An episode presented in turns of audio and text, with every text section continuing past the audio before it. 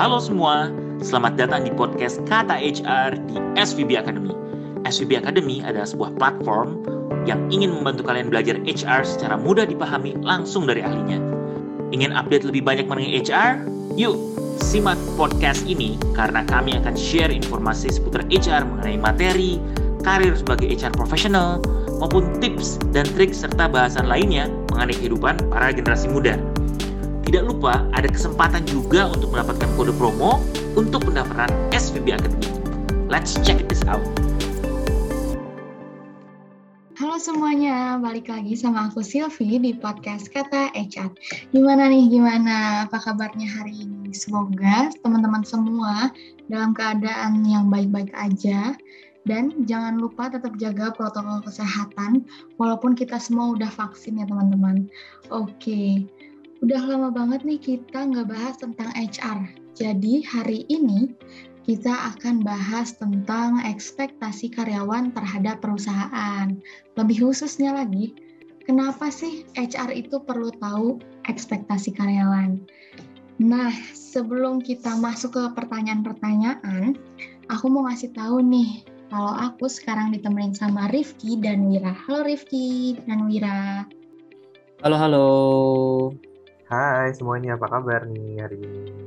Baik, Alhamdulillah. Semoga kalian juga dalam keadaan yang sehat ya. Kali ini kita mulai aja nih ya ke pertanyaan pertama. Mungkin dari beberapa pendengar di sini masih belum ngerti gitu. Apa sih ekspektasi karyawan dan kenapa sih kita harus men-setting ekspektasi kita terhadap perusahaan. Jadi nggak let flow aja gitu. Jadi kita harus punya ekspektasi juga. Boleh nih dijawab dulu sama Kak Wira. Oke, kalau menurut aku sih kenapa penting bagi seorang karyawan untuk mengeset ekspektasi terhadap perusahaannya? Kalau menurut aku sebenarnya itu in general menunjukkan seorang karyawan yang dia apa ya cenderungnya punya suatu visi lah ya. Maksudnya adalah dia tahu nih perusahaan yang dia tempat dia kerja itu menurut dia aku pengen mendapatkan ini loh dari perusahaanku, aku pengen mendapatkan ini loh dari perusahaanku kayak gitu um, in my opinion there's nothing wrong with apa namanya expecting things gitu ya tentunya. Tapi at the end of the day ekspektasi-ekspektasi tersebut juga tentunya harus dikomunikasikan nih sama perusahaannya gitu ya. Karena kalau menurutku a good company itu will at least try to accommodate ekspektasi yang dipunya karyawan. Terutama kalau misalnya a lot of employees have that expectation gitu ya. Jadi misalnya kita pengen dong expect misalnya ada ada training dong kayak gitu. Nah sebuah perusahaan apabila memang dia ingin menunjukkan bahwa dia care gitu ya atau misalnya dia juga concern terhadap pengembangan si karyawan-karyawannya dia akan mempertimbangkan pasti kayak gitu jadi sometimes showing what we expect from our company itu juga adalah way of giving feedback gitu ya kepada perusahaan tempat-tempat kita bekerja. Of course perusahaan kan pasti punya juga ya ekspektasi terhadap kita gitu ya sebagai karyawan pasti diekspektasikan untuk bekerja dengan baik, memiliki performa yang oke okay, gitu-gitu ya. Nah in response atau misalnya sebaliknya juga kita juga boleh banget nih untuk berespektasi terhadap perusahaan terutama dalam ranah pengembangan diri gitu ya pengembangan karyawan kayak gitu. Of course ekspektasinya juga harus di set gitu ya nggak mungkin misalnya kita bekerja di perusahaan uh, misalnya let's say startup gitu ya kita bekerja di perusahaan startup terus tiba-tiba ekspektasinya adalah oh oh dikasih mobil dinas atau misalnya oh apa namanya uh, dapat treatment yang kayak royal banget gitu lah itu juga harus di manage sih kalau menurut aku ya jadi sesuai juga dengan industri yang pertama dan juga relevansinya terhadap pekerjaan kita dan juga terhadap perusahaan kayak gitu sih Oke, jadi boleh berekspektasi tapi tahu diri juga kali ya, gitu kasarnya. Bisa dibilang seperti itu. Oke, mungkin kita pengen denger juga nih kata Rifki kayak gimana? Oke, okay. tadi contohnya dikasih di tuh udah oke okay banget ya. Mungkin kalau aku dari sisi let's say teman-teman masuk dalam sebuah perusahaan gitu ya, biasanya teman-teman punya namanya aspirasi karir gitu ya. Atau apa sih teman-teman pengen capai di perusahaan tersebut. Nah, hal-hal kayak gitu tuh boleh banget juga disampaikan kepada atasannya teman-teman kayak gitu. Let's say misal, Pak gitu ya, saya pengen banget deh bisa belajar perihal uh, marketing gitu. Misal contoh gitu ya. Even though saat itu kita adanya di sales Nah, dengan kita menyampaikan hal itu, biasanya nanti atasan akan mencari jalan nih gitu ya atau opportunity supaya kita bisa belajar tentang marketing gitu. Itu kan part dari ekspektasi ya. Itu baru tentang belajarnya doang. Bisa juga misal teman-teman punya ekspektasi untuk menduduki sebuah posisi tertentu di perusahaan. Nah, sampaikan kayak gitu. Karena kenapa hal-hal kayak gini nantinya bisa membantu kita mencapai posisi-posisi tersebut atau apa yang ingin kita capai gitu. Karena mungkin atasan kita punya powernya gitu ya untuk building the environment memberikan facility-nya dan lain-lain. Jadi penting banget untuk kita bisa menyampaikan nih bahkan dari sisi development kita sebagai karyawan tuh kayak gimana sih di perusahaan tersebut. Itu sih kalau dari aku. Oke.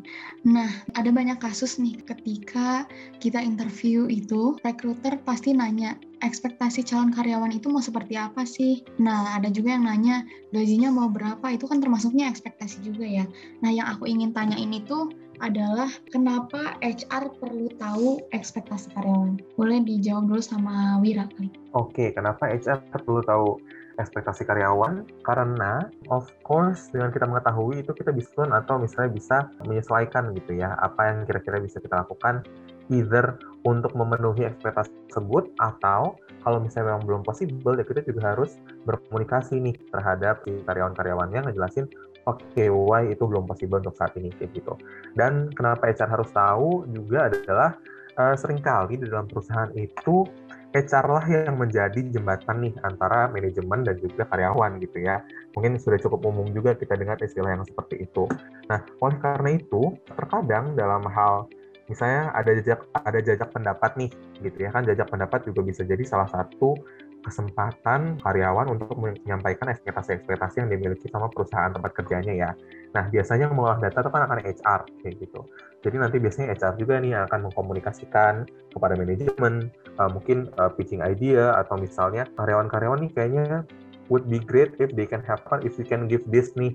Kayaknya banyak yang pengen dan kemungkinan misalnya bisa untuk me meningkatkan performa kerja misalnya seperti itu. Jadi um, I think it's really important for uh, HR team to know and understand supaya mereka juga bisa follow up dengan baik kayak gitu.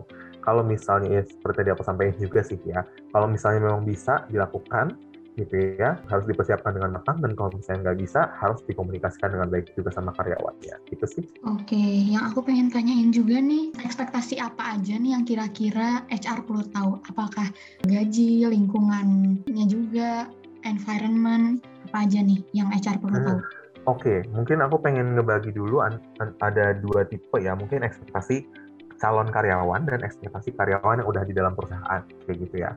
Kalau ekspektasi calon karyawan, pasti yang ditanya adalah misalnya income-nya seperti apa sih, working style-nya seperti apa sih, situasi pekerjaan dan lain-lain gitu ya. Itu HR perlu tahu karena pastinya dia juga pengen mencari seorang yang cocok nih dengan perusahaan dia gitu ya dari segi capacity untuk pembayaran gaji salary-nya yang pertama dan yang kedua juga pasti orang yang akan fit atau akan cocok nih dengan tim yang ada di dalam perusahaannya itu kayak gitu. Nah, jadi kalau untuk calon karyawan, dua alasan itulah kenapa HR perlu tahu kayak gitu. Kalau misalnya untuk karyawan yang sudah ada di dalam perusahaan, yang perlu diketahui HR adalah ekspektasi perihal misalnya apa sih yang karyawan pikirkan terhadap situasi kerja saat ini gitu ya. Ada nggak sih yang bisa diimprove atau enggak ada nggak sih misalnya misal dalam dalam ranah learning and development gitu ya. Ada nggak sih training-training yang kira-kira bisa membantu karyawan gitu ya untuk meningkatkan performa kerjanya kayak gitu jadi kembali lagi tergantung ke scope-nya nih apakah dia itu calon karyawan atau karyawan yang sudah di dalam perusahaan karena um, I think tujuan keingin tahuannya itu beda gitu ya. Kalau dia calon karyawan, HR perlu tahu untuk mendukung pengambilan keputusan untuk hiring.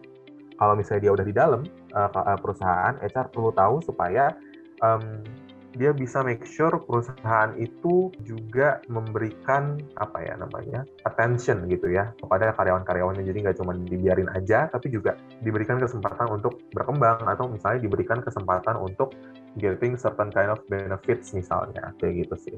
Itu dari aku sih oke okay, thank you Pak Wira nextnya aku mau nanya Rifki nih, apakah yang tadi Wira sebutin itu kan kita misalnya ngasih tahu gitu ke recruiter atau ke tim HR kalau kita punya ekspektasi terhadap perusahaan lalala gitu misalnya. Nah, apakah itu semua akan dipenuhi sama tim HR atau enggak gitu? Apa possible atau enggak? Oke, sebenarnya ini harus balik lagi sih dengan kemampuan dari si perusahaan kayak gitu. Kalau menurut aku gitu ya, cukup apa ya, mungkin rare ya kalau misal benar-benar 100% tuh dia bisa full di accommodate gitu. Kecuali memang talentnya ataupun kandidatnya memang tidak terlalu banyak minta gitu.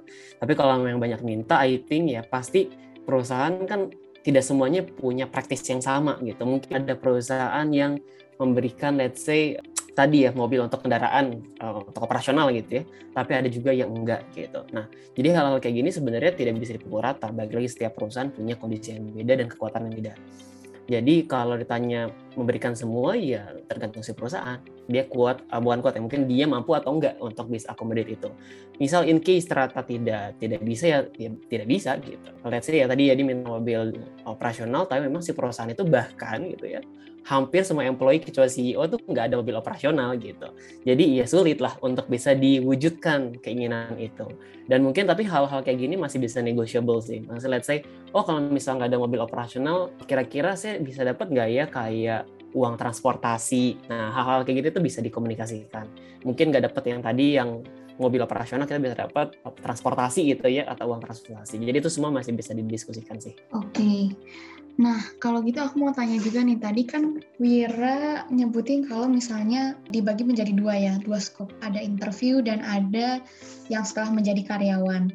Nah, aku mau tanya nih, gimana sih caranya untuk menjawab recruiter ketika ditanya tentang ekspektasi? Misal, gajinya mau berapa gitu. Nah, karena kan kadang gak enak ya kita kalau misalkan mau jawab terlalu belak-belakan gitu.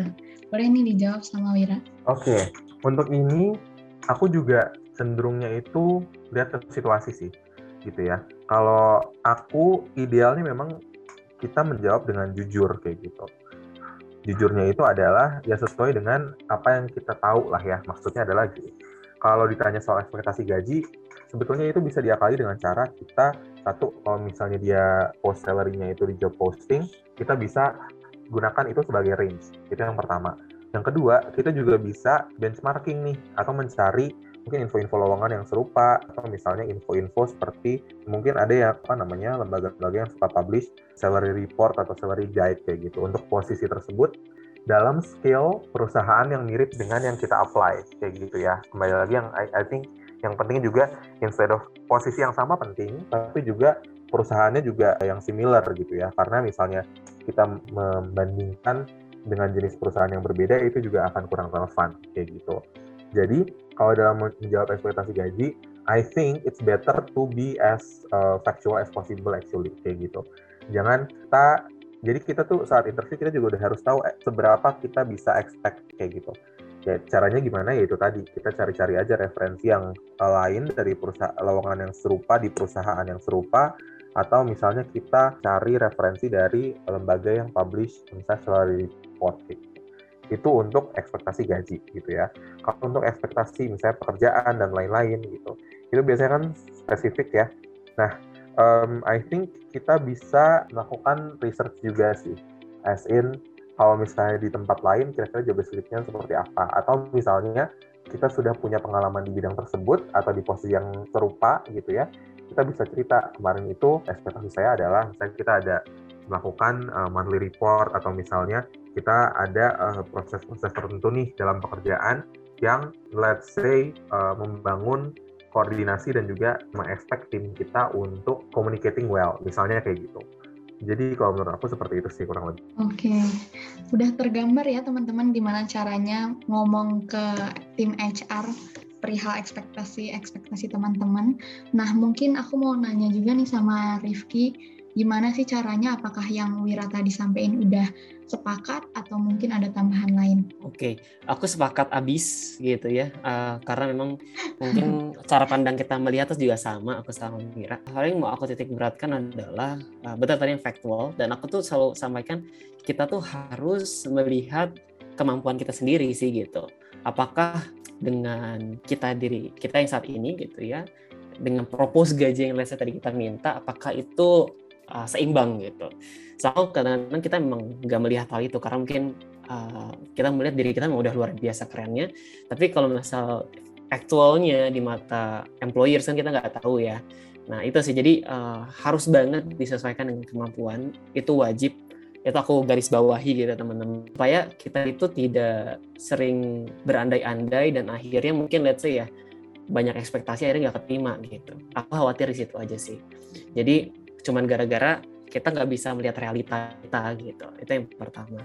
Yang kedua tuh coba uh, pelajari deh. Let's say misal gaji kita sekarang berapa kalau misalnya kita pindah tuh bisa berapa sih yang kita dapat gitu ya. Let's say itu kalau nggak salah kalau pindah itu bisa 15 sampai 20 persen gitu kalau pindah ya. Wajarnya tuh uh, range-nya segitu kalau kita pindah.